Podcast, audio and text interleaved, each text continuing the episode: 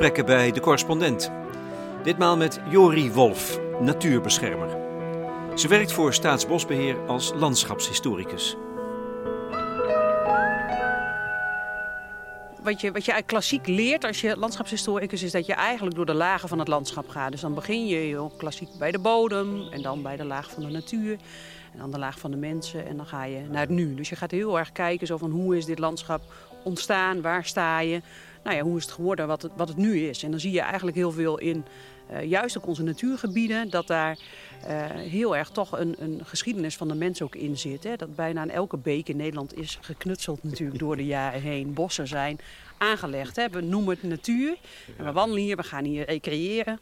Maar het zijn natuurlijk uh, heel vaak plekken die echt door mensen aangelegd zijn of gecreëerd zijn. Zie je dat hier ook al?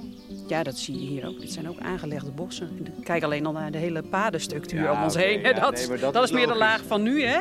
Maar ook inderdaad hoe op de Veluwe de beken geleid zijn. Ja? En ja, dat is... Die zijn allemaal geleid? Nou, ik weet niet of ze allemaal geleid zijn, maar veel wel. Dus ze zijn wel, ja, deze echt wel aangeknutseld.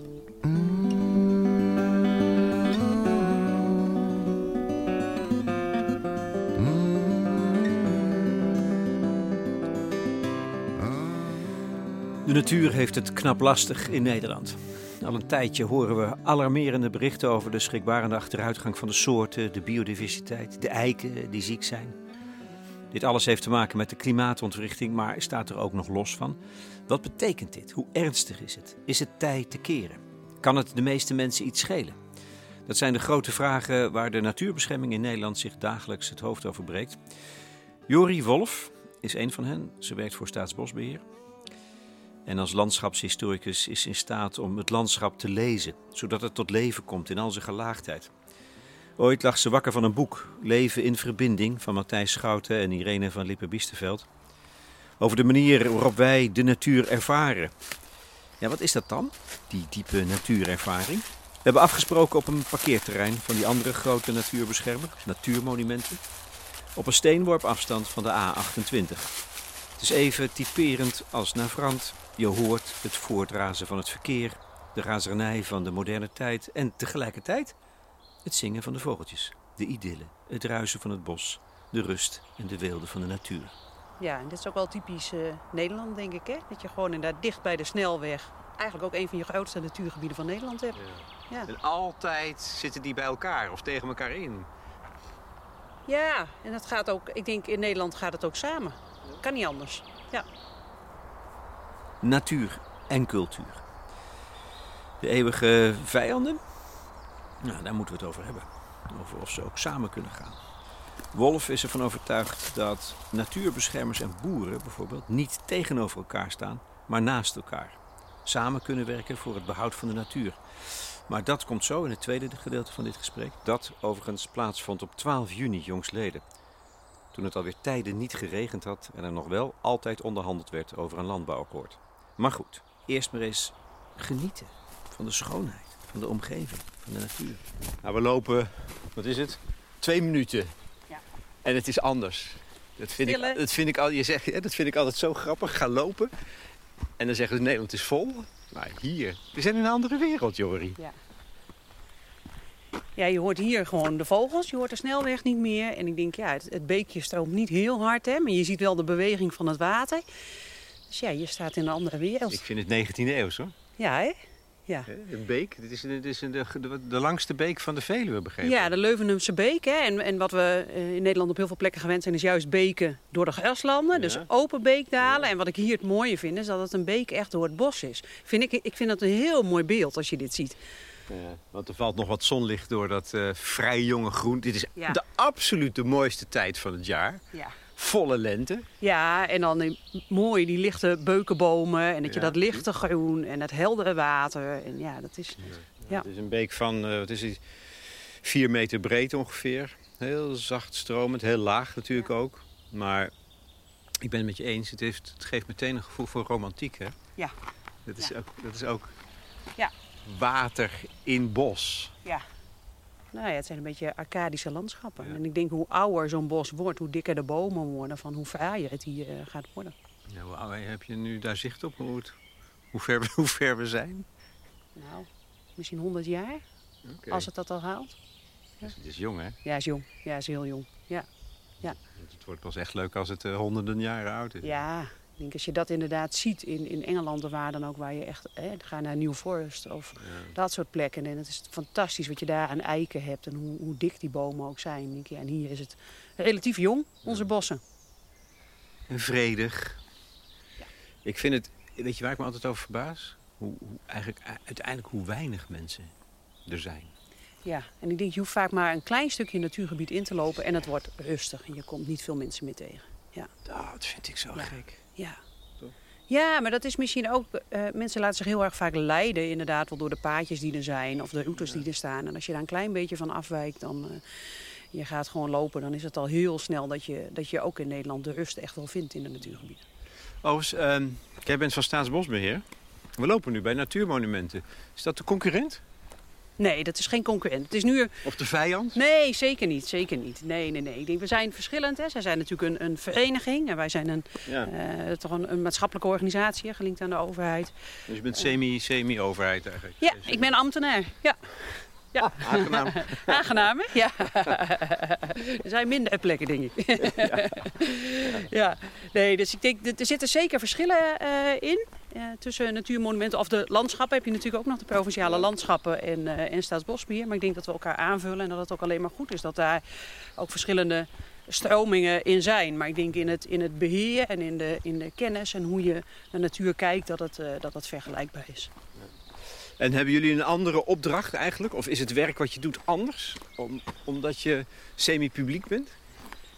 Ja, we hebben kijk, de, de hele uh, natuurbeheersystematiek. Hè, dus de, de beheertypen die op natuur zijn en de vergoedingen die daarvoor staan en noem maar op. En wat je moet monitoren, dat is uh, vergelijkbaar. Dat is voor iedereen gelijk. Uh, maar Staatsbosbeheer heeft natuurlijk wel regelmatig ook aanvullende opdrachten. En we zitten overal in Nederland, zijn altijd dicht bij mensen en hebben gewoon echt heel duidelijk altijd een maatschappelijke functie ja. gehad. Hè. Als het nou, of het nou in de jaren 30 was, Staatsbosbeheer bestaat bijna 125 jaar. En dat begon natuurlijk ook gewoon in de jaren 30 met werkverschaffingsprojecten, met ah, het uh, aanleggen van bossen. Dus daar zit gelijk die maatschappelijke component in.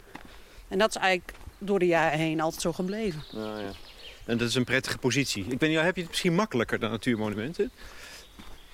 Want die moeten natuurlijk toch altijd zorgen dat ze genoeg leden hebben. En uh, kijken, de beek gaat linksaf, of niet? Ja, gaan wij dat ook of niet? Ja, weet ik niet.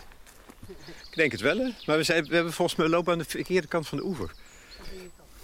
Um, dan kunnen we natuurlijk doorsteken. Of zullen we gewoon even hier doorheen? Of? Ja. Het is natuurlijk helemaal niet goed wat we nou doen. Oh ja, paadje loopt hier. Hier is een paadje. Ja. Nee, het is natuurlijk je hebt een totaal andere verhouding, denk ik. Tot je, nou in feite, je geldschieter. Ja, maar ik weet niet of het zozeer makkelijker of moeilijker is hè, voor de een of voor, uh, voor de ander. Nee. Uh, Natuurmonument is natuurlijk een natuurbeschermingsvereniging. Hè. Is ook als, echt als vereniging ontstaan. Hè. Ja. Burgers vanuit het westen, vanuit de stedelijke omgeving die opstonden en de natuur wilden beschermen. En Staatsbosbeheer inderdaad veel meer vanuit de overheid. Ja. En gegroeid richting, hè, vanuit de, de bosaanplant in eerste instantie, uh, naar een, een brede maatschappelijke natuurbeheerorganisatie. Ja, ja ik, ik weet niet of het moeilijker of makkelijker is. Je hebt een verschillende taken eigenlijk. Ja. En ik vind, uh, ik kan natuurlijk alleen spreken vanuit Staatsbosbeheer. En ik vind het gewoon een prettige positie. Dat je juist heel dicht op de opgave van de maatschappij zit. En bij de mensen. Als ben jij een uh, natuurmens, dacht ik. Dat denk ik ook. Wat, en wat is dat? ja, nou, ik ben, ben, wel benieuwd wat jij daaronder vat. Maar, uh... nou, uh, ik denk, we zien hier water. Volgens mij ben jij iemand die zodra die zijn water ziet, dat je er ook eigenlijk in moet. Oh ja, ja dat, dat vaak wel. Ja. Ik zou ook hier de neiging hebben om mijn schoenen uit te doen om ja, gewoon door toch? de beek te lopen. Hè. Ik denk van dat is, uh, dat ja. is eigenlijk helemaal lekker. Hè? Ja, nou, er liggen wel overal bomen in het water en takken, dus het is niet zo makkelijk. Maar ik bedoel daarmee een soort natuurlijke verstandhouding met natuur. Ja, ik denk ook dat je natuur ook moet ervaren of toelaten. Hè? Van als je hè, want je, je noemt het, het, het water ingaan. Hè, van ik doe dat ook in de, in de winter. In, uh, gewoon jaar rond ga ik buiten wel het water in. Maar dat is ook als je, als je rust in je lijf wil vinden. Of als je, in je veel in je hoofd zit. Op het moment dat je die kou bijvoorbeeld aangaat. Dus gewoon eigenlijk die natuur ook voelt. Ja.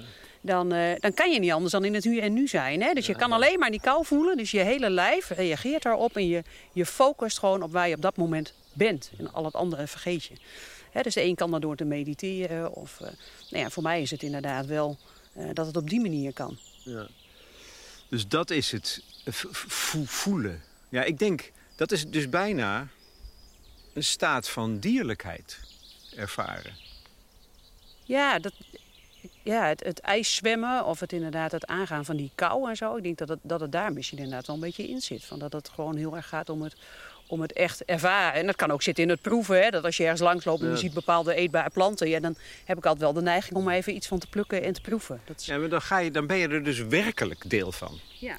In plaats van dat je ernaar kijkt en zegt... Het is mooi, weet je, als door, een, als, door een, als door een ruit of een venster of zo. Ja, en ik denk ook dat het mooi is om je ook te laten, laten verrassen. Hè, dat het ook niet... Uh, we zijn ook heel erg in Nederland altijd alles aan het plannen en van tevoren bedenken. En ik vind het ook heel fijn dat er ook plekken zijn waar we het niet van tevoren bedenken. Dus dat je je laat verrassen en dat uh, de natuur zelf bepaalt hoe het eruit gaat zien naast de kracht van het ontwerp, die we volgens mij ook zeker nodig hebben. Maar ik denk van nou dat, je, dat er gewoon plekken zijn waar je getroffen kan worden door. En of het dan stuivend zand is. Hè. Ik bedoel, iedereen die kent het gevoel volgens mij als je in de duinen staat aan de zee. Of dat je nou ja, het voelen van de elementen, dat doet iets met je. Ja, ik denk dat dat. Nou ja, als jij in het ijskoude water springt in de winter. Ik denk dat je, dat dus ook gaat over de ervaring van kracht. Ja. Van eh, andere krachten, de natuurkrachten die je niet controleert, maar ook uiteindelijk kracht in jezelf. Ja, ja. en ik denk dat je die gewoon dan ook beter ervaart. Hè? Van het moment dat je dat fysiek aangaat, dan, uh, dan ervaar je volgens mij ook veel meer de kracht van de natuur. En ook van hoe, uh, nou, misschien de, dat we wel iets bescheidener mogen zijn als mensen. Hè? Dat wij best een iets uh, meer op de achtergrond, dat je ook wel wat meer respect voor de natuur mag hebben. Dat is ook wat in die ervaring besloten zit. Ja, dat zit, dat zit daarin. Ja, wie zijn wij als mensen om alles altijd te bepalen. Ik denk van en door ook. Uh, ik denk dat het heel erg helpt als je zelf ook de natuur echt ervaart en daar gewoon bent. Dus dat vind ik ook. Hè, van bijna alle natuurterreinen van Staatsbosbeheer zijn ook, ook open voor publiek. Hè. Mensen kunnen komen wandelen en fietsen. Wel op een manier dat het echt zich hè, in verhouding is tot de natuur. Hè, want die wil je natuurlijk niet verstoren. Uh, maar dat, dat het ontzettend belangrijk is dat mensen de kans hebben om natuur te ervaren. Op het moment dat je dat niet doet, dan, dan komt er een afstand. Nee, maar oké, daar gaat het natuurlijk wel een beetje over. Daarom vraag ik ernaar. Uh, er is een strijd gaande voor het behoud van de natuur. Ja. Weet je, en, en het lijkt erop alsof veel mensen gewoon niet, eigenlijk niet eens weten wat de natuur is. Of, of wat voor verhouding zij ermee hebben. Ja, en ik denk dat dat voor iedereen anders is. Hè? Want dat is, je kan echt een hele dag discussiëren en filosoferen over wat is natuur voor jou. hè? Dus, dus, dat, is, dat is voor de een anders dan de ander. En ik denk dat dat, dat is prima. Hè? Dat denk ik van dat geeft helemaal niks. Want je kan het ook dichtbij ervaren. En de een heeft er behoefte aan om, de, om dat echt te ervaren, helemaal in die natuur te zijn. En de ander niet. Maar het gaat er volgens mij wel om dat je je beseft waar ons voedsel vandaan komt. Van waar onze schone lucht vandaan komt. Ons drinkwater. Hè? Dus we zijn afhankelijk van de natuur als mensen. Dus de grote samenhang. De grote samenhang, dat is wel van wat we, waar we van afgedreven zijn. Dat, dat heel veel uh, mensen gewoon niet meer weten waar alles vandaan komt. En, en hoe die systemen werken. En hoe belangrijk ze zijn voor het functioneren van de natuur zelf. Maar ook voor ons eigen functioneren als mens. En zeker hier in een dichtbevolkt land. Uh, ja, zul je daar met elkaar een weg in moeten vinden. Ja. maar, daar, maar daar gaat het over. Je, je kan zeggen van je moet het weten hoe het werkt. Nou, dat is nog steeds cognitie. Ja. Dat, is, dat is hard nadenken en snappen. En, en dat is ook buitengewoon zinvol. Maar ik verbaas me soms over het, het, het gebrek aan affiniteit. Gewoon iets, het gevoelsmatige, het zintuigelijke, het zinnelijke van hier lopen. Daar word je, ik word er acuut gelukkig van. En ik heb het gevoel dat zoveel mensen dat helemaal niet doen. Of, of, of nou ja, niet, niet ervaren. Maar vanuit plezier. Ja. Dat vind ik zo raar. Nou ja, dat is wel het mooie van het woord recreëren. Hè? Opnieuw scheppen, opnieuw maken. Dus, dus als wij gaan recreëren in de natuur, dat daar toch een, uh, ook het, het, het, jezelf weer vinden in zit. En die, uh, volgens mij is er nu wel in de maatschappij een verandering. Dat steeds, en dat zag je natuurlijk helemaal in de coronatijd, dat mensen dat weer meer zijn gaan waarderen. Dus dat je merkt hoe goed je je voelt als je naar buiten gaat. Dus dat je, eh, En in beweging komt. en in beweging komt. En dat je dus inderdaad dat. Maar ook het groen. Hè. Er zijn onderzoeken gedaan dat mensen die in een ziekenhuiskamer liggen. en ook al hangt er alleen maar een foto van een boom in hun kamer. die, die voelen zich sneller beter, Ja, die ja. genezen sneller dan wanneer ze dat niet hebben. Dus alleen al het zien van groen en van natuur. dat doet iets met je, met je, met je welzijn, met hoe je je voelt. Daarom liggen al die sanatoria ook altijd in de, op de meest bijzondere plekken van, de, van het natuurschoon natuurlijk. Nou ja, misschien dat het, dat het belangrijk is dat we dat wat meer in ons leven, in ons dagelijks leven inbouwen. zodat je daar niet, niet terecht hoeft te Nee, maar, komen. maar Ja. buig jij je daar als, als eh, landschapshistoricus van Staatsbosbeheer het hoofd over? Van hoe krijgen we dat in de belevingswereld van mensen? Hè, dat, dus, dus een stap verder gaan. En Niet, niet het paadje volgen en de pijltjes, wat we natuurlijk ook allemaal graag doen, Ja. omdat het zo helder is, dan weet je waar je bent. Maar die diepere ervaring. Ik bedoel, is dat ook, beschouw je dat ook als een taak van, eh, van Staatsbosbeheer? eigenlijk? Nou, op zijn minst om daar wel ruimte voor te bieden. Ja. Dat zeker. Hè? Ik denk van ja, je, je, je kan zeg maar niet dat eh denk ik heel erg aanjagen of stimuleren. Wat je kan doen is inderdaad die faciliteiten bieden zodat de natuur goed bereikbaar is. En dat het ook, hè, van, en dat is volgens mij wel met zo'n maatschappelijke organisatie, dat, je, dat we er ook voor iedereen zijn. En dat je ook probeert om natuur dichtbij te brengen. Dus dat kan een dorpsbosje zijn, maar dat we ook steeds meer bezig zijn met dichter bij die stad te zitten en te kijken zo van goh, hoe kun je daarin van betekenis zijn. Dat je wel zorgt dat voor iedereen hè, een programma Natuurwijs met natuureducatie, dat is ook echt gericht op het ervaren. Dus veel minder op het leren van wat is dat voor soort, maar Ja, veel ja. meer op het ervaren van natuur. Laat kinderen maar buiten zijn, hutten bouwen en voelen wat die natuur is, spelletjes doen in de natuur. Dan ga je het vanzelf meer waarderen. en zonder het hoofd, hè? ja, zonder het hoofd. spelen, voelen. denk ik. Ja, maar ja, vroeger mochten we gewoon weg als kind. Maar nu zit er, is er altijd toezicht. Ja, nou word ja. je gestuurd en geleid. Ja, dus op het moment dat je wat meer vrijheid hebt en gewoon Ja. daar, volgens mij houdt iedereen van vrijheid. Bijna iedereen Ik kan me niet voorstellen dat er mensen zijn die dat niet belangrijk vinden. Dus op het moment dat je ook dat gevoel hebt, en dat is iets wat natuur natuurlijk wel ophult, dat als je dan ergens een beetje zo'n bos in gaat, hè, wat wij net deden, zo'n klein stukje even langs zo'n beek, dan denk ik van ja, dan, dan ervaar je toch een stukje vrijheid. Want je wil het zelf bepalen en zelf ontdekken. En volgens mij door zelf te ontdekken, ja, dan beklijft het veel meer. Schaars goed hoor, vrijheid. Ja, en toch denk ik dat het prima kan. Want die kun je ook hebben als er ergens een braakliggend terreintje is bij jou achter. Ergens waar je kan ontdekken, waar je rond kan schuilen en waar je je kan verwonden. Dat kan overal. Eens kijken of wij nog eh, het goede pad kunnen vinden. Ja, we moeten aan de overkant zijn. Het is, het is, te, het is wel modderig, ja. Zo, wacht nog even. La, laten we over de boom gaan. Dat kan ook. Godverdorie. Dit is interessant dit. Dit is nou precies waar het over gaat. Hoe? Ja. Je moet een beetje balanceren. Ja. Ja, dit is niet helemaal een... eh, nou, dit is precies... We zijn er. Hebben de vrijheid genomen. En dan nog... één ding over de, het ingrijpen. Hè? Want als je, naar, als je landschappen leest, zoals jij doet, dan zie je natuurlijk dat daar voortdurend altijd alles is veranderd. Ja. Dus wat betekent dat dan voor nu? Hè? Moet je dan dus, geeft dat de ruimte om in te grijpen? Of moet je zeggen, nou laat het maar gebeuren? Moet je, je, je, je mag het veranderen? Want het is, dat roept ook meteen de verhouding op tussen mens en natuur. We zijn niet de baas, zei je net. We zijn er een onderdeel van. Ja. Dus hoe zie jij dat? Nou, ik denk dat, je daar een- dat het heel erg uitmaakt waar je bent. Hè? Ik, bedoel, ik zal op een, eh, op een landgoed zal ik anders adviseren dan in een van onze meest natuurlijke gebieden. En dat is volgens mij wel belangrijk dat je gewoon goed kijkt wat, heeft het, eh, wat is het karakter van het gebied waar je bent. En kun je daarbij aansluiten. En het hoeft helemaal niet erg te zijn, sterker nog, op heel veel plekken, eh, omdat het zo verweven is, kun je eigenlijk ook alleen maar hè, een stuk biodiversiteit soms behouden als we dus wel ingrijpen of wel beheren. Want je verliest anders ook een heleboel kwaliteiten. Anders heb je gewoon echt een enorme schaal nodig. Dus ik denk dat het ingrijpen hoeft niet eh, verkeerd te zijn. Maar het maakt wel uit waar je bent. Op een eh, landgoed waar ook hele hoge natuurwaarden zijn, zul je een intensiever beheer voeren Ja, eh, dan in een heel grootschalig natuurbeheer. Ben je met, nu met iets bezig, met een gebied? Nou, bijvoorbeeld op, op de Schelling, de Bosplaat. Ja.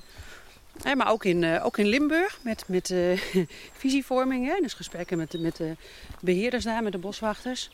Of waar ga je nou naartoe? En je zegt van ja, hè, van als je weet dat het altijd veranderd is. eh, dat kan je ook helpen, dat besef. Om ook te weten dat je ook niet bang hoeft te zijn dat het weer gaat veranderen. Hè? Want het zal altijd veranderen. dus ook, en wij hebben nu een verantwoordelijkheid in het nu. En naar toekomstige generaties toe om te zorgen dat die ook nog keuzes kunnen maken. Nou, en als je kijkt van hoe weinig natuur er in feite is in Nederland, dan denk ik van nou, dan heb je daar best een taak en verantwoordelijkheid in om dat op een goede manier door te kunnen Om geven. die, om die natuur hoe dan ook zo sterk mogelijk te maken. Ja, ja, en dat zal op een. eh, eh, kijk, in de Wadden, daar zul je misschien inderdaad mee nadenken over ja, hoe, hoe moet dat dan met een bosplaat als de zeespiegel rijst? En kun je daar ook de kracht van de natuur inzetten om weer zand aan te voeren? Om te zorgen dat het mee ophoogt met de zeespiegelrijzing. Dus dan maak je ook gebruik van de natuurlijke processen en van de dynamiek. Dus dat is, dat is daar een voorbeeld. Want dat is wel wat er nodig is. Die bosplaat moet hoger. Ja, ja je ziet dat die, dat die vastgelegd is, dat, die, eh, dat verschillende stadia ontbreken nu op de kwelder. Hè, van dat het niet meer verjongt. Het is heel erg vastgelegd op de plek. De kwelder is het, het eerste gebied, de strook net buiten de dijk, hè, dacht ik.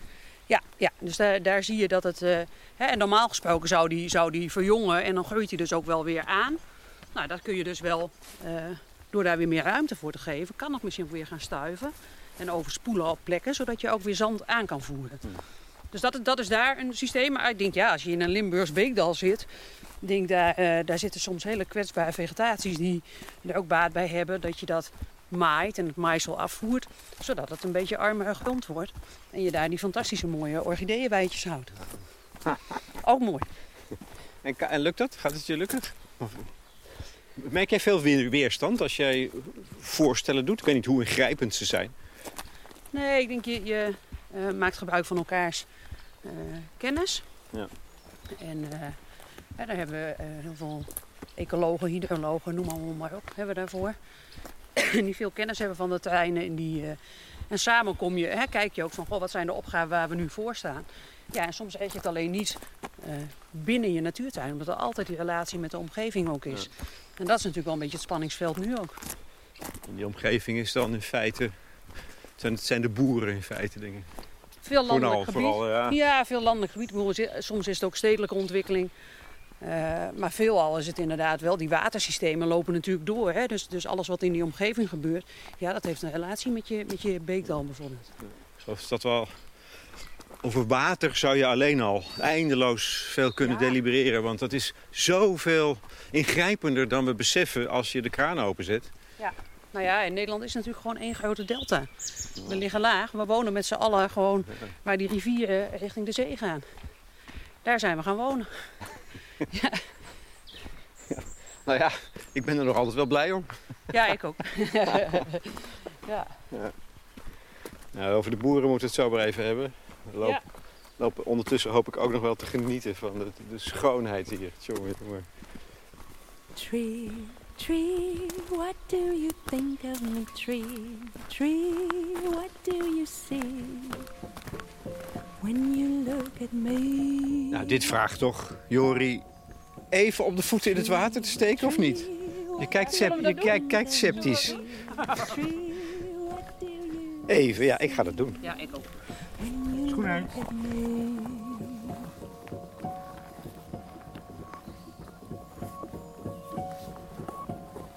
Do I amuse you? Do I confuse you?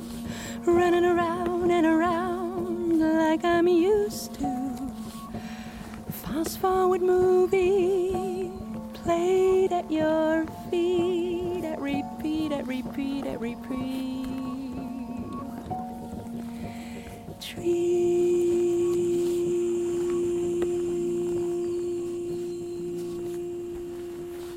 Toch een soort kinderlijk plezier volgens Ja, mij. hè? Dat is het ook. Ik noem het werk, maar... en jij ook? Oh, nou, voel nou toch eens. Ja, Oh, heerlijk. Lekker fris, het is niet zo modderig. Nee, Maar het is toch paradijselijk zo hier? Dit is toch... Ja, ja, ja, ja.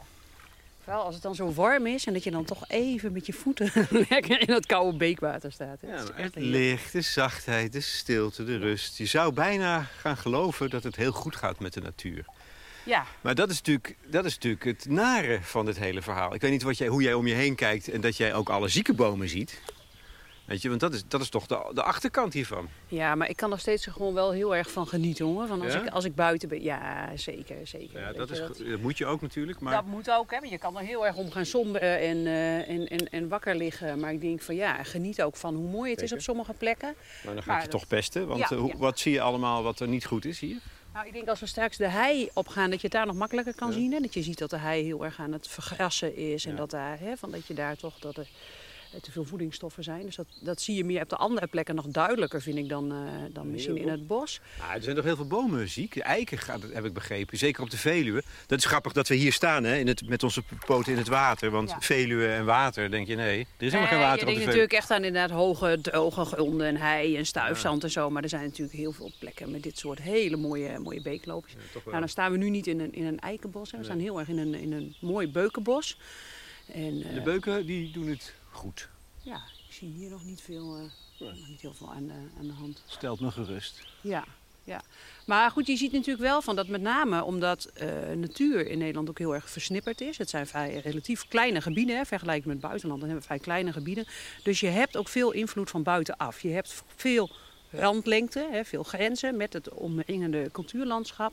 En je hebt dus heel veel invloeden van buitenaf. En hoe groter natuurgebieden zijn, hoe beter systemen ook op zichzelf kunnen functioneren. Dus als het, het watersysteem en de bodem goed op orde is, dan kan ook een, een systeem of een natuurgebied veel beter tegen een stootje. Dan wordt het robuuster. Dan wordt het robuuster en, hè, en de gebieden, als ze met elkaar verbonden zijn, dan kunnen ook beesten kunnen trekken. Maar ook hè, zeker met klimaatverandering. Het is natuurlijk belangrijk ook dat soorten, en of het dan planten of dieren zijn, zich aan kunnen passen, mee kunnen verhuizen. Hè, van dat ze, en sommige zijn daar gewoon te traag, zeg maar, qua verspreiding. Om überhaupt met de klimaatverandering mee te kunnen bewegen. En daarnaast is het een, hebben we enorm veel verschillende bodemtypes in Nederland. Dus ook niet elke soort kan maar mee hobbelen richting het noorden met de temperatuurstijging mee. En daar zijn plek vinden, want daar is de bodem anders, het systeem anders. Dus het is gewoon waanzinnig complex. En als je daar een beetje iets van weet, dan ga je wel heel erg zorgen maken over hoe het gaat in Nederland. Terwijl tegelijkertijd denk ik volgens mij eh, zijn de, de opgaven zo groot en is het maatschappelijk belang ook zo groot dat we echt wel Ja, moeten. oplossingen kunnen en moeten vinden met Ja, ja, elkaar. kunnen vind ik nog een mooier woord dan, eh, dan moeten. Ja. Ehm, wat, wat is er op dat gebied mogelijk, denk jij? Ik bedoel, want, want er is natuurlijk het, het- al, al jaren geleden zijn er plannen gemaakt om die natuurgebieden aan elkaar te schakelen, Ja. groter te maken. Eh, kan, kan dat toch? Dus, Nou, dat, dat, dat is nog niet, nog niet klaar. Hè? Dat was de ecologische hoofdstructuur en Ja. die heet nou het Natuurnetwerk Nederland. En eh, die moet nog afgerond worden. Dus dat is, dat is gewoon een opgave die er nog is vanuit, vanuit natuur. Maar daar zijn we mee bezig met Daar zijn we mee bezig. Maar daarnaast zie je natuurlijk dat, nou ja, dat is natuurlijk ook de hele stikstofproblematiek nu. Van dat juist in de omgeving van natuurterreinen, van onder andere Natura 2000, waar natuurlijk heel erg de focus nu op is. Hè, maar er zijn meer gebieden die, die zeg maar dezelfde kwaliteiten misschien wel in zich hebben. eh, dat, dat, dat je het niet redt met alleen maatregelen in je natuurgebied zelf. Je zal ook in die omgeving, moet er dus iets veranderen. En dat is natuurlijk wat nu eh, aan de orde is. En waarbij je echt de samenwerking met elkaar op moet zoeken om echt te kijken van wat, heeft je, hè, wat heb je in je natuurgebied nodig om daar aan je biodiversiteit ook te werken. Eh, dat betekent ook iets voor die omgeving. En dat zijn maatschappelijke opgaven waar je dus ook gezamenlijk voor staat. Dat is niet een opgave van alleen de boer. Zo kijk ik Nee, er niet. Nee. Nou, we gaan het over die samenwerking hebben. Lekker hè? Ja, verrukkelijk. Ja. Ja. Beetje glibberig, maar Ja. fijn. Ja. Oké. Dus ook je voelt het ook, hè? Want Ik was op een gegeven moment ook met een, een, een kunstenaar, Elmo van Meijs. Die is eh, op de Schelling, heeft die Staging Wood heet dat. Hij is jarenlang aan het volgen ook. Wat vertelt het bos ons? En verstaan wij het bos nog? Toen hadden we een bijeenkomst met ongeveer tien mensen. En er zat ook een uh, bosecoloog bij, maar ook iemand die gewoon in een timmerfabriek werkt. En dat ze ook het hout weer gebruiken op de Schelling om te bouwen. Hè? Dus iedereen denkt, eh, je moet die dennen, daar kun je toch niet mee bouwen. Maar zij, doordat ze zo in de wind staan, is het waanzinnig hard hout. Het is heel goed, uh, goed bouwmateriaal. En we hadden een gesprek en, uh, en toen gingen we eerst een stiltewandeling in het bos doen in de van de Schelling. En iedereen deed zijn laarzen aan en er was één persoon die deed juist zijn schoenen uit. Die ging op blote voeten lopen. En toen heb ik, het was een stiltewandeling, dus na afloop heb ik hem dat ook gevraagd. En dat was de bosecoloog. Toen zei ik van, goh, waarom deed jij eigenlijk je schoenen uit op het moment dat iedereen ze aandeed? En eh, hij zei van ja, pas dan kan ik met het bos communiceren. Van als ik het voel, hè, of het dennennaalden liggen, of het zand is, of het hard, zacht, stekelig, noem maar op, nat, droog. Hij zei dan pas ervaar ik het bos echt. Ja, heel mooi. There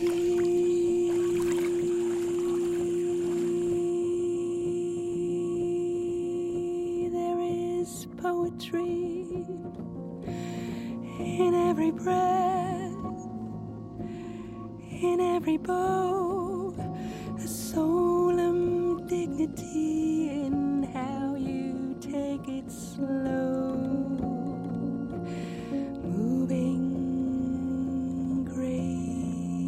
gracefully through centuries.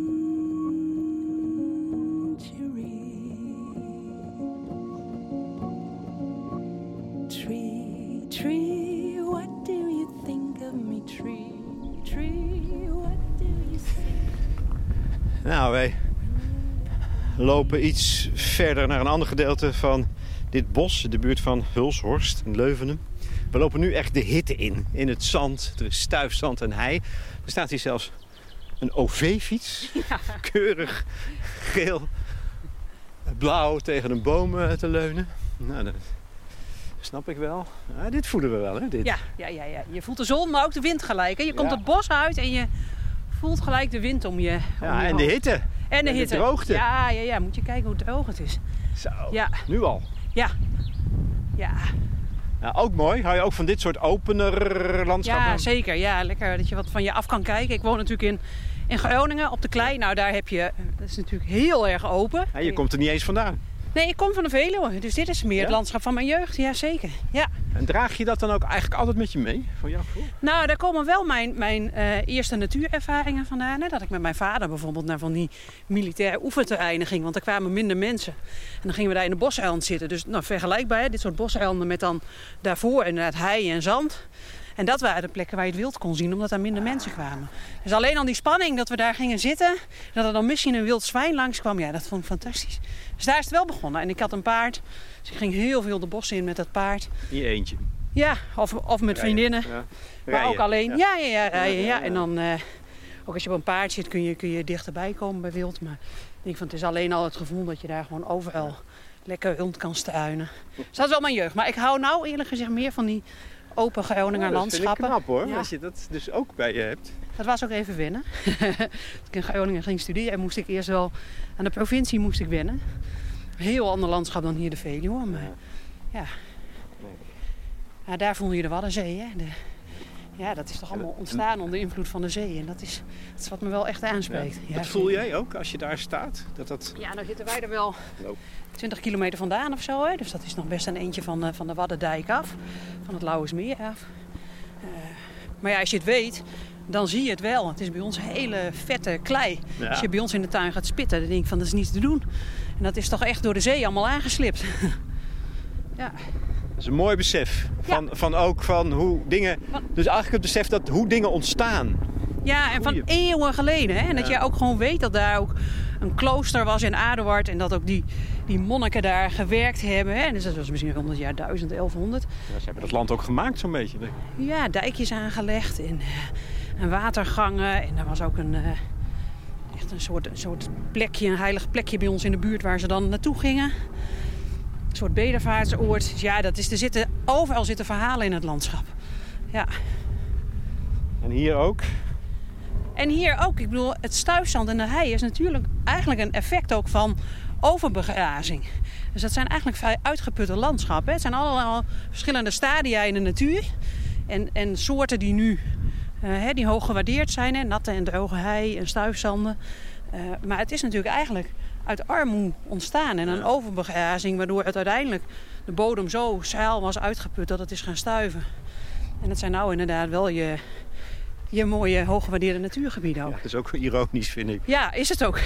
Hoe armoede weer rijkdom kan worden. ja, ja. Maar loop even naar het zand, uh, Jorie. Ja, Vind je het goed? Ja. Helikoptertje boven ons hoofd. Is op zoek naar iets? Of houden ze eventueel de bosbranden in, de- in de gaten? Zou dat zo, ja? Want het is echt wel heel warm en droog hier. Dus, eh, dit is kwetsbaar. Terwijl we een- zo'n nat voorseizoen hebben gehad. Hoe heet het, hoe heet dat? Voorjaar, Ja. toch? Ja, ja, ja. Dus je zou zeggen, nou, er zit genoeg vocht in de grond. Maar dat Heel voelt... nat. Nou, dat is hier inderdaad niet aan de orde als ik dit zo zie. eh. Het is echt extreem droog. En dat was ook nog nauwelijks aangevuld, hè, het grondwater. Dus ik denk van het is niet dat met wat regen dat het zomaar opgelost is. Dus ik denk ja, met alles met klimaat, maar vooral wa- met water... hebben we gewoon echt wel hele grote opgaven de komende jaren. Ja, zeker op dit soort gebieden. Ja. Hoe houdt de bodem het water vast? Ja, hoe kunnen we aan de ene kant hè, van de extreme, van soms de natte periodes met overstromen en bij rivieren, hoe kun je dat het hoofd bieden? En de zeespiegelijzing. En anderzijds het voldoende drinkwater hebben Ja. en voldoende zoetwaterbeschikbaarheid. Dat zijn wel grote vraagstukken. Dus dat maakt ook dat je naar het landschap als totaal moet kijken. Want je kunt niet alleen stikstof oplossen of alleen... Hè, dat hangt met elkaar samen. Dus ik denk dat je ook op die manier nu eh, naar de opgave moet kijken. Ja. En dat echt, en dat gebeurt ook, van het worden gebiedsprocessen waarin echt het gebied weer centraal staat en gekeken wordt van goh, wat heb je nou nodig? Gebeurt dat? Maar waar gebeurt dat dan? Nou, dat gebeurt nu onder regie van de provincies gaat dat gebeuren. Het Nationaal Programma Landelijk Gebied, dat de komende jaren natuurlijk uitgerold wordt. Eh, daar hebben de provincies deelgebieden voor gemaakt. En dan wordt het echt per gebied bekeken van wat is, eh, wat is er hier nodig. En doet iedereen daar, daaraan mee? Dus eh, eh, ecologen, historici, eh, planologen, stedenbouwkundigen, boeren.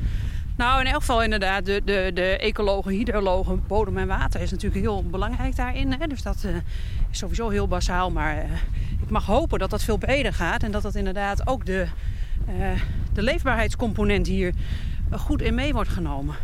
De leefbaarheidscomponent. Ja, ik denk dat het... eh, er leven ook mensen in die landschappen. Hè? En dat En Zijn- werken er. Ja, en werken er. Dus dat zijn boeren, dat zijn stedelingen. Dus ik denk dat je daarmee eh, ook samen daar verantwoordelijkheid voor hebt. Maar dat je ook de kracht van mensen kan gebruiken. Hè? Want mensen kennen vaak hun eigen leefomgeving heel goed. Dus die weten ook wat er, wat er nodig is. Dus naast de eh, deskundigheid kun je ook juist heel erg in gesprek gaan met de omgeving. Kijk, dat is volgens mij een van de tra- tragedies van deze tijd. Jij zegt stikstof moet je niet isoleren van alle andere aspecten van een landschap. En eh, wat is er nou gebeurd? Volgens mij zijn die boeren, die zijn gewoon bij alle gesprekken over de toekomst en de natuur en het landschap, zijn ze gewoon buitenspel. Hebben ze buitenspel gestaan. Ja, buitenspel in de zin van... Nou, ze hebben niet meegepraat met alle plannenmakerij en Ja, deels ook wel, hè, via organisaties dat ze wel aan tafel eh, zitten. Maar ik denk dat het, eh, dat het zo gepolariseerd is en dat er belangen tegenover elkaar zijn komen te staan. En ik denk dat we de maatschappelijke relevantie van zowel natuur als landbouw Ja. meer onder ogen moeten zien. En Maar- ook naar elkaar moeten luisteren. Maar in combinatie dus. Je kan het alleen maar in combinatie met elkaar zien. Ja. Ja, ik denk in het hart van een natuurgebied. Vandaar zijn de natuurbeheerders echt deskundig. Maar met name in, ja, je zou het de tussenruimte kunnen noemen. Dus, dus daar waar je in die overgangen zit. Ja, dat zijn bij uitstek de plekken om met elkaar in gesprek te gaan. Want het is niet alleen de toekomst van de natuur. Het is ook de toekomst van de boer waar we het over hebben. Ja, maar dat bedoel ik. Je kan ze niet los van elkaar Nee. zien. Maar dat is te veel gebeurd. Ja, veel te veel. Ja, dus dat is... En ik denk dat daar best eh, wegen in te vinden zijn. Het is hier mooi, hè? Hey, dit is een klein stukje woestijn. Vrij vlak. Ja, aan de rand natuurlijk allemaal naaldbomen. Daar is het meestal mee omgeven. Hier en daar een, een klein bossage. We staan nu in de schaduw. Dat Ja, daar gingen we als vanzelf naartoe, hè?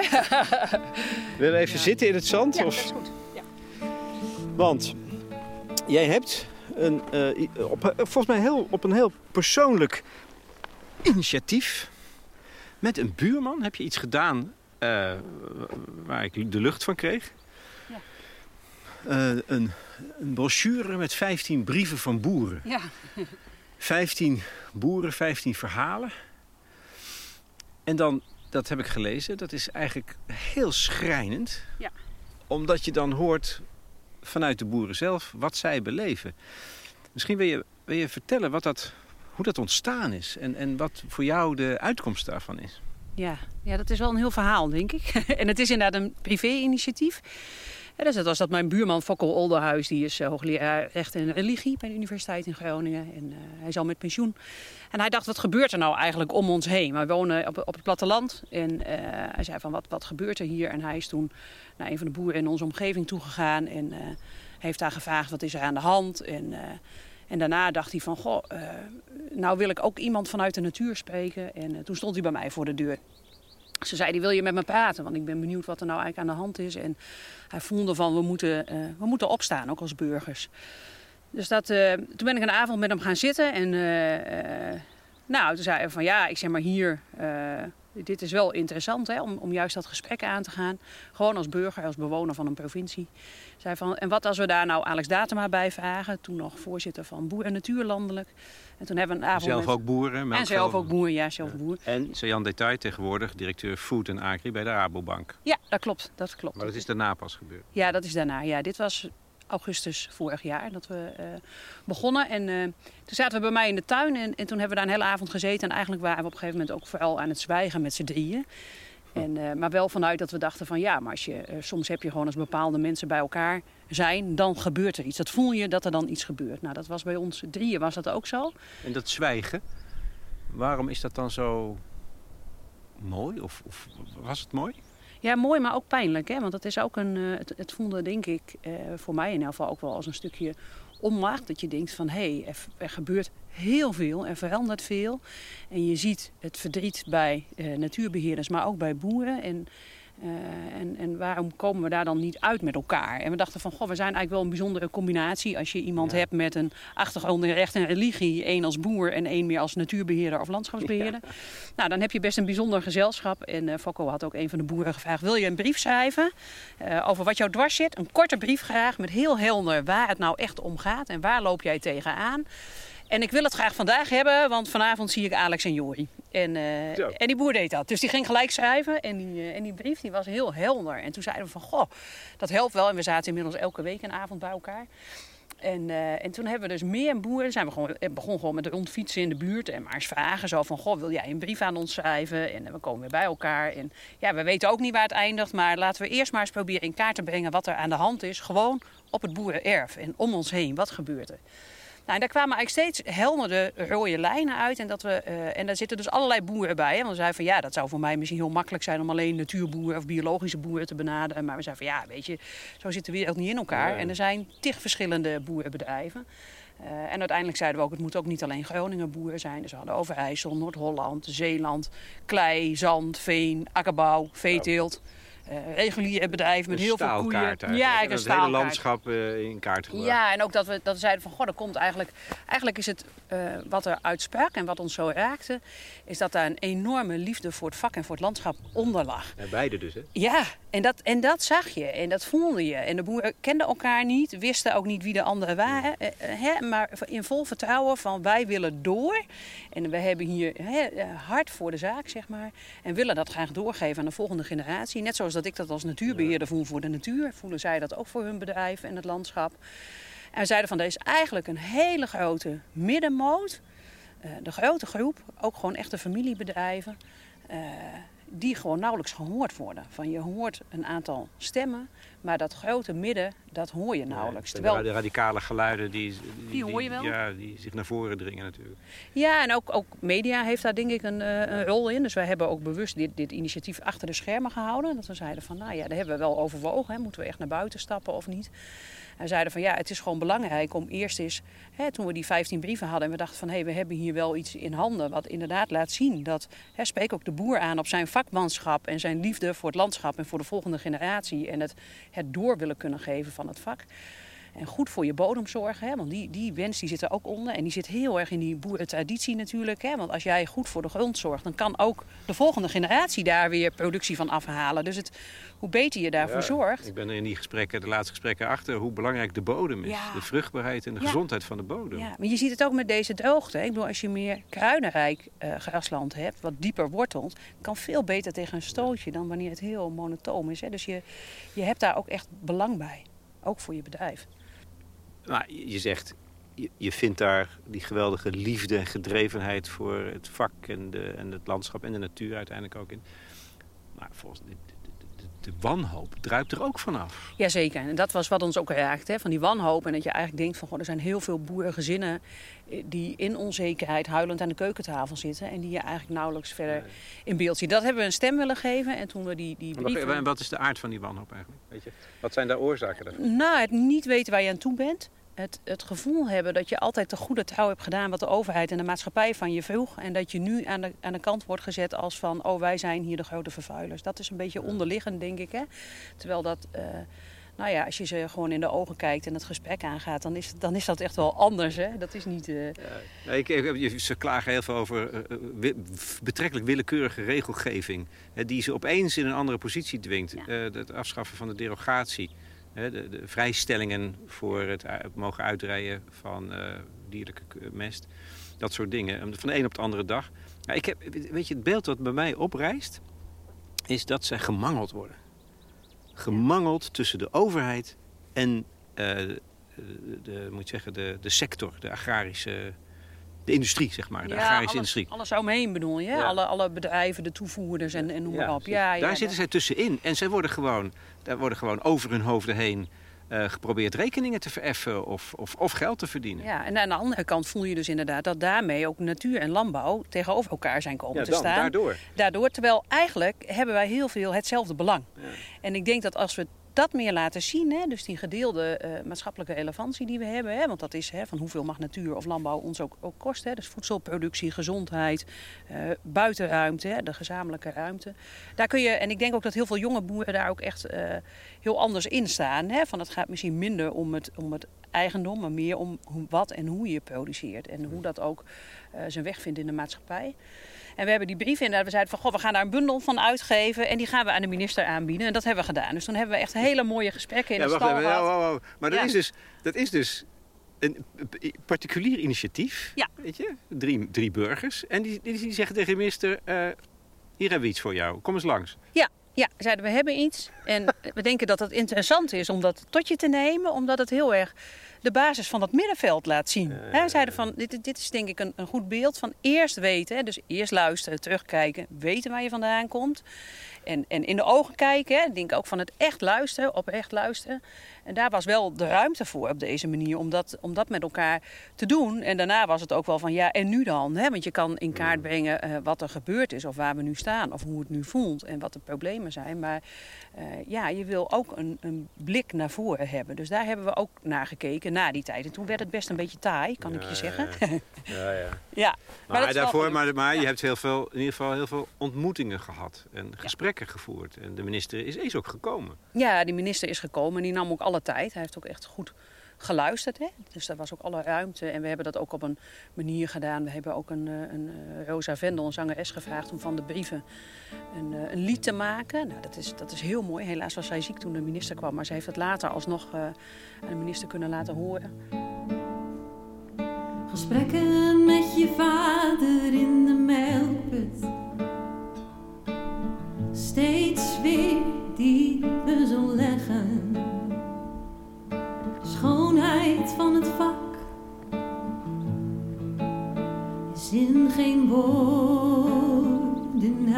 leggen. Zit de storm uit. Geen idee wat er nog over is na de orkaan. Zit de storm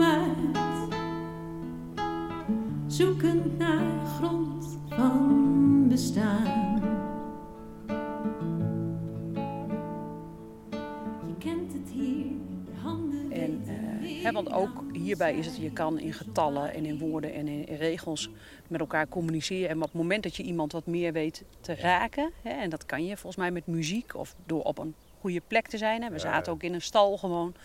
Dan, dan is het toch dat je, eh, nou ja, dat je volgens mij, en dat was ook wat, wat bijvoorbeeld een van die boerinnen zei, van het zou fijn zijn dat natuurlijk, het zijn hele moeilijke besluiten die een minister moet nemen. Dus alle respect daarvoor. Eh, maar weet dat op het moment dat je een besluit neemt, durf ons dan in de ogen te kijken. Zie het voor je hoe we hier zitten. En kijk eh, hè, van wat het voor effect op ons heeft. Gewoon als boeren, Dat- families. Maar dat is toch de sleutel, denk ik. Ja, ik denk dat het begint met inderdaad oprecht luisteren naar elkaar en die stap naar elkaar toezetten. Hè. Ik, denk, ik heb mij als natuurbeheerder geen moment onveilig gevoeld op geen van die boerenerven. Hè. Want volgens mij als je eh, daar open in staat en gewoon eh, dat gesprek echt aangaat. En denkt, jongens, wat is hier nou aan de hand? En ik kan je niks beloven dat het gaat veranderen, want het is heel taai en heel complex. Maar ik heb wel die, die wens en die wil. Hè? En dat is ook, en dat zie ik en in mijn werk en privé. Hè? Want ook in mijn werk ben ik natuurlijk bezig met het kijken zo van, ja, wat, wat is dat dan rondom die natuurgebieden? Wat is er dan nodig? En dat ook samen met natuur en uh, boerenorganisaties, landbouworganisaties en overheden. Zo van wat heb, je, wat heb je daar nou nodig? Maar begin maar eens om te proberen daar samen uit te komen en stappen te zetten. En ook niet, uh, niet te bang te zijn, weer te gaan experimenteren en te kijken van wat er allemaal wel kan. Hè? Want we hebben allemaal perspectief weer nodig. En zoals uh, die boer klem zit tussen de, zeg maar de overheid aan de ene kant... die allerlei dingen met regels probeert te doen... en aan de andere kant de, belangen van de, de financiële belangen van de sector, om het zo even te noemen eigenlijk is het zo dat natuurbeheerders, natuurbeschermers en boeren gewoon de hand in één moeten slaan. Ja. Uiteindelijk is dat, die, dat is de weg, denk ik. Ja, dat denk ik ook. Samen. En je ziet daar mooie voorbeelden. Staatsbosbeheer heeft bijvoorbeeld die natuur-inclusieve landbouwpilots. En daar zie je dat het dus inderdaad kan werken. Dat je gewoon best kan zeggen van... goh, we gaan voor een wat langere periode. Dat is tot, tot 12 jaar uh, zijn dat contracten. Die je dan aangaat. Waarbij je echt zegt van... nou, en dat is dus niet alleen beheer uh, door een, een, een landbouwbedrijf op de natuurgrond. Maar dat is ook dat daarmee het hele bedrijf richting natuur-inclusief gaat. Dus het is niet alleen die paar percelen die een boer dan pacht. Het is het hele bedrijf en daar heb je samen het gesprek over. Zo van wat zijn dan, hè, wat heb je dan nodig om water- en bodemsysteem gezonder te maken? En hoe kun je nou, naar een extensieve bedrijfsvoering, dat je geen kunstmest meer nodig hebt, geen, hè, minder, minder aanvoer hebt van middelen, minder afvoer. Waar doen jullie dit? Op hoeveel plekken? Uh, volgens mij zijn het er nu ongeveer 30 uit mijn okay. hoofd gezegd. En we gaan toe naar in elk geval 80 bedrijven. Om dat, uh, dat is veel, vind ik doen, veel, Maar ook om, om te laten zien dat het dus wel kan, dat het wel werkt. Ja. Dus ik was laatst bij het Vechtdal in Overijssel. Daar zit een uh, Erve Vechtdal. En dat is, ja, dat is een boerin met, met brandrode koeien. En die heeft dan wel een verbrede uh, doelstelling. Hè. Dus die heeft ook, uh, daar komen toeristen en ze gaat ook met mensen dan laten zien hoe zo'n kudde functioneert. Maar dus ook gewoon het gedrag van een kudde laten zien. Van hoe werkt dat nou? hè, en wat doet dat ook met die gronden? Maar je gaat wel samen een, een soort, hè, het is echt samen leren beheren. Dat is, dat is wat we aan het doen zijn in de, in de randzones van natuurgebieden. En als je dat dan ook nog weet te doen. Ik was op een gegeven moment ook bij Terneuzen in de buurt in Zeeland. Ja, daar zat er ook een heel dicht tegen tegen, tegen, tegen het stadje aan. En dan denk ik van, en dan zie je ook van dat je het ook juist weer het verhaal bij de mensen kan brengen. Hè? En dan, dan begint er wel iets te gebeuren natuurlijk. Als mensen daar hun eten kunnen kopen. En dan denk ik van, dan wordt die kring weer wat kleiner. En dan begrijpen we ook weer wat meer hoe het, hoe het werkt allemaal. Als er nou één giftige plek is, is het Terneuzen wel volgens mij. Dat is, toch, dat is die plek waar die ongelooflijk grote industrie uh, ja, achter ja. zit. Daar Ja. werd ik helemaal, toen ik daar doorheen fietste vorig jaar, Ja, helemaal ongelukkig van. Doodziek. Ja, ja. ja. Het, is, het is uit kilometers lang is dat. Ja, en er zit ook een, een, een, een polder naast die dus eh, Ja. in, eh, in natuurbeheer eh, Ja. zit nu. En, eh, en dat zijn dan toch de plekken, want dat zijn wel gewoon plekken. Dat is, dit is wel gewoon ons land, hè? dit is waar we wonen. Dus dat is, dat is de realiteit. Dus ik denk van ja, daar moeten we onze ogen niet voor, voor sluiten. Maar ik denk van ja, hoe kun je ook op dat soort plekken eh, aangenaam wonen? En hoe kunnen we zorgen dat je, dat je daar toch je steentje aan bijdraagt? En dat kan volgens Daar- mij. Ja, daar, door- blijf, daar blijf je in geloven dat het kan. Ja, zeker. Ja, want daar gaan ook schoolklassen naartoe. En die komen daar buiten en die zitten daar te rotzooien in de slootjes. En, eh, ja, het is ook daar belangrijk. Je kent het hier, je handen weten meer dan cijfers op papier. De diepte van de wortels, het voelen van een ui. Je kent het hier. De omgekeerde vlag is meer dan wanhoop. Is de ondernemer met ideeën, is de liefde voor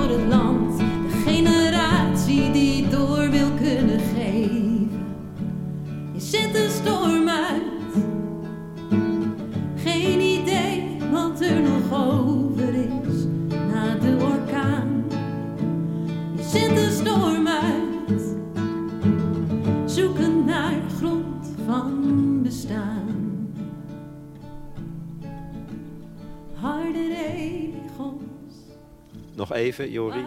Uh, Jori Wolf. De minister is gekomen. Hoe, hoe, hoe, hoe, reageerde hij eigenlijk?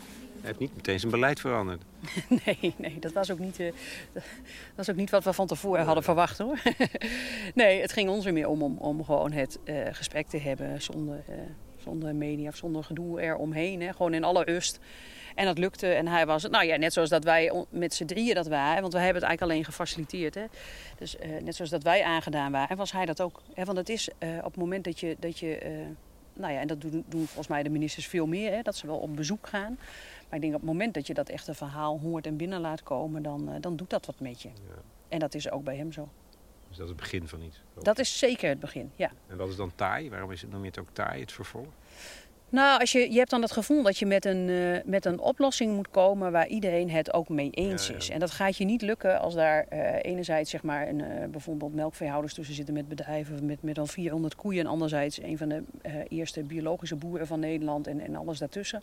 Ja, dat krijg je niet op één lijn. Dat moet je denk ik ook niet willen. Hè? Want ik denk onze bodem is divers, ons, ons landschap is divers, de cultuur is divers. En dat zijn die bedrijven ook. Dus ik denk ook dat die diversiteit ook de ruimte moet hebben. En uh, het ene past wel in een kleinschalig cultuurlandschap en het andere niet. Hè? Dus het, het is veel meer, uh, het is misschien iets minder maakbaar dan dat wij altijd gedacht hebben. Dus misschien dat je je wel, en of je dan natuurbeheerder bent, of je moet een woonwijk bouwen, of je hebt een boerenbedrijf, wat meer aanpassen aan de, aan de omstandigheden. En dus inderdaad wat meer, wat meer het midden houden. Zoals dat we het midden een stem hebben gegeven, denk ik dat ook de de rol van de mens uh, en hoe wij met ons landschap en met de bodem omgaan, dat, nou ja, waar we ook mee begonnen, dat mag wel iets bescheidener. Ik denk dat dat, dat, dat een soort basis is die eronder ligt.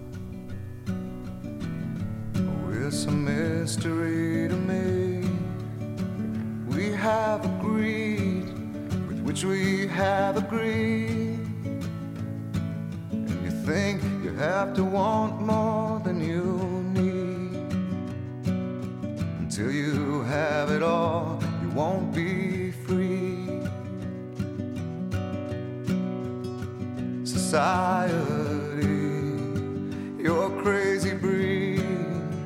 I hope you're not lonely without me.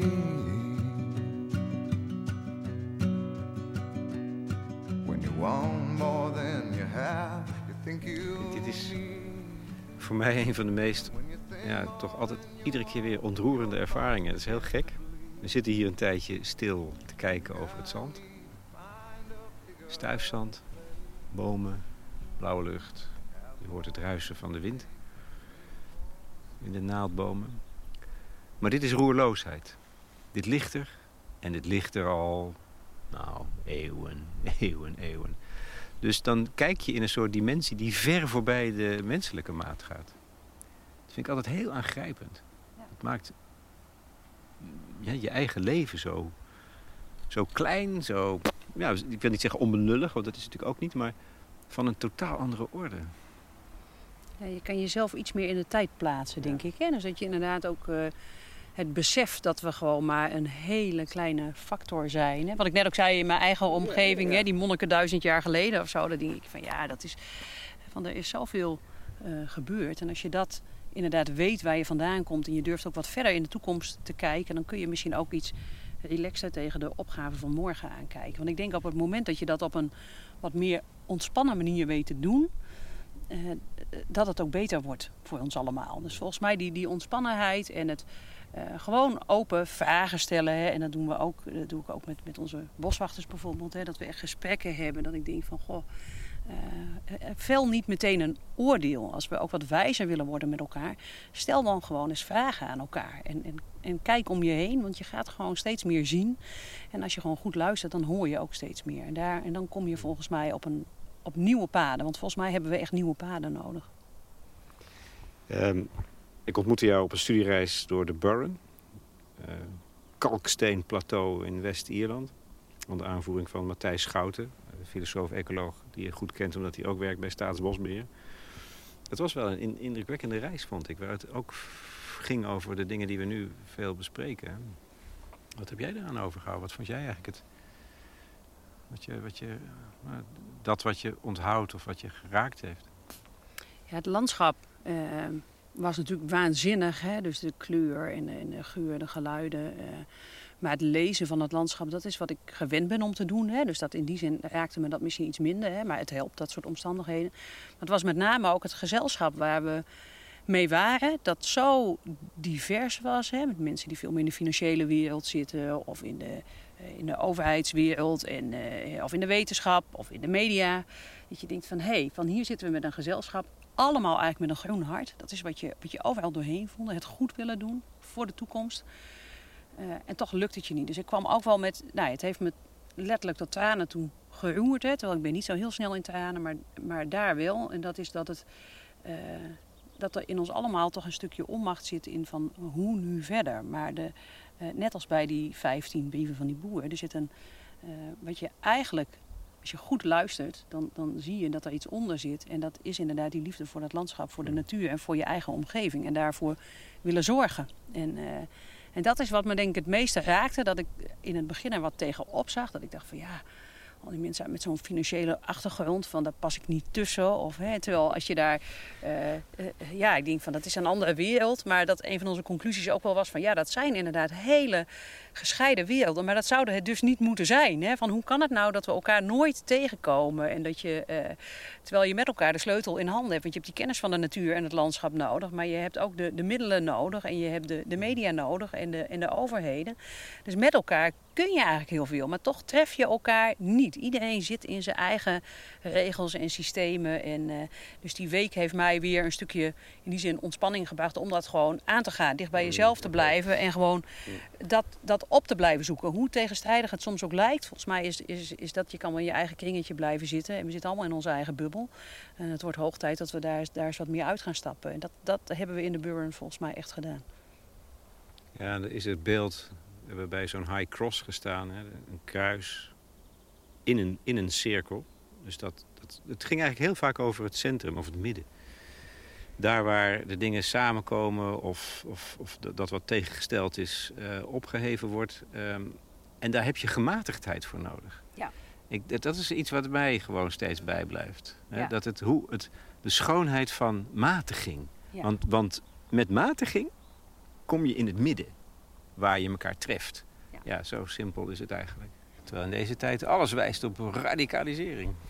Ja, maar dat was inderdaad dat Assekhuis van, van Klaas van Egmond. Hè? Van dat je inderdaad heel erg naar dat, dat we dat midden zijn kwijtgeraakt. We zijn uit het midden en dat je af en toe die, ook die, die uithoeken misschien wel nodig hebt om, om beweging te creëren. Maar dat we nu echt weer op zoek zijn en naar het midden. het sorry, midden. Ja, het midden is dan tussen hoog en laag, dus spiritueel en aards, materieel, uh, individu en gemeenschap, Ja. al die tegenstellingen. Veel meer naar het collectief terug, hè? Naar, het, naar het collectieve belang. Want dat is volgens mij wat we, wat we met elkaar zoeken. En gematigdheid, of ik noem het zelf vaak meer inderdaad de bescheidenheid van de mensen, van onze, onze plek daarin. En ik, ik ben na Ierland daar nog wat meer over door gaan lezen. En dat ik ook dacht van ja, wil je inderdaad eruit komen die polarisatie, dan, dan gaat het om het weer vinden van het midden met elkaar. Maar dus ook het leiderschap durven tonen in dat midden. En door daar echt midden in te gaan staan. En, en dat was wel een spiegel voor mezelf. Dat je heel snel als een. Ja, ik ben ook volgens mij wel een burgerbouwer. Hè, van, maar dat je dan alsnog een soort valkuil hebt. Dat je heel snel met de beste bedoelingen daar een soort van boven staat. Of te hoog over. Of te, en dat is met beleid natuurlijk ook vaak zo. Van dat staat toch ver, ver ervan af. En op het moment dat je echt in het midden gaat staan. En echt luistert. Uh, en dan leiderschap toont. Hè, want je mag best je, kennis uh, inzetten. En die hebben we denk ik ook nodig. Uh, dan krijg je denk ik echt pas beweging. Dus echt niet alleen in het midden als uh, het beter weten of zo, maar juist er echt middenin durven te gaan staan. En wel een stuk leiderschap en lef. En dat is, dat is wat nu uh, soms een beetje ontbreekt. Dankjewel. Ja. Zullen we nog Ja, eentje bedankt. wandelen? Ja, gaan we doen.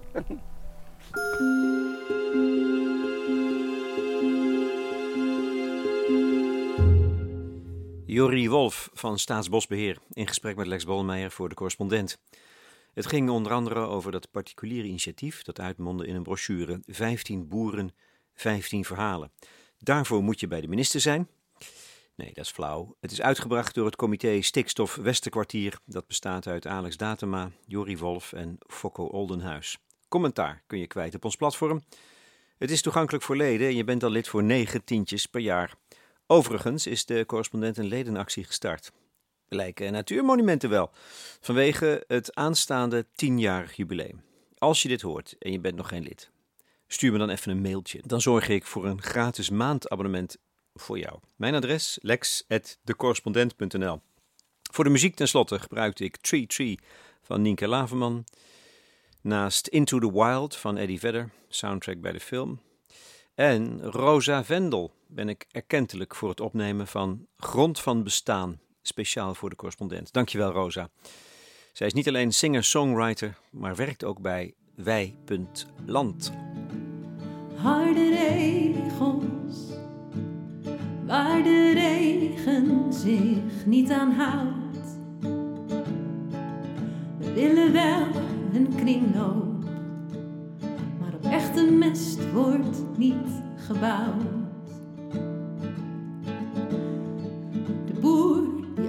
Mogelijkheden ziet, honderd keer bewezen. Vertrouwen moet de basis zijn, minder doelen en meer wegen. Je zet de storm uit, geen idee wat er nog over is na de orkaan. Je zet de storm uit, zoeken naar grond van bestaan.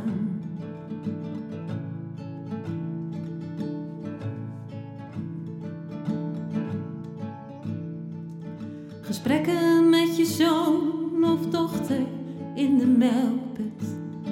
Vertellend over hoe het allemaal begon. En blijven geloven dat ook zij ooit koeien komen halen in de avondzon.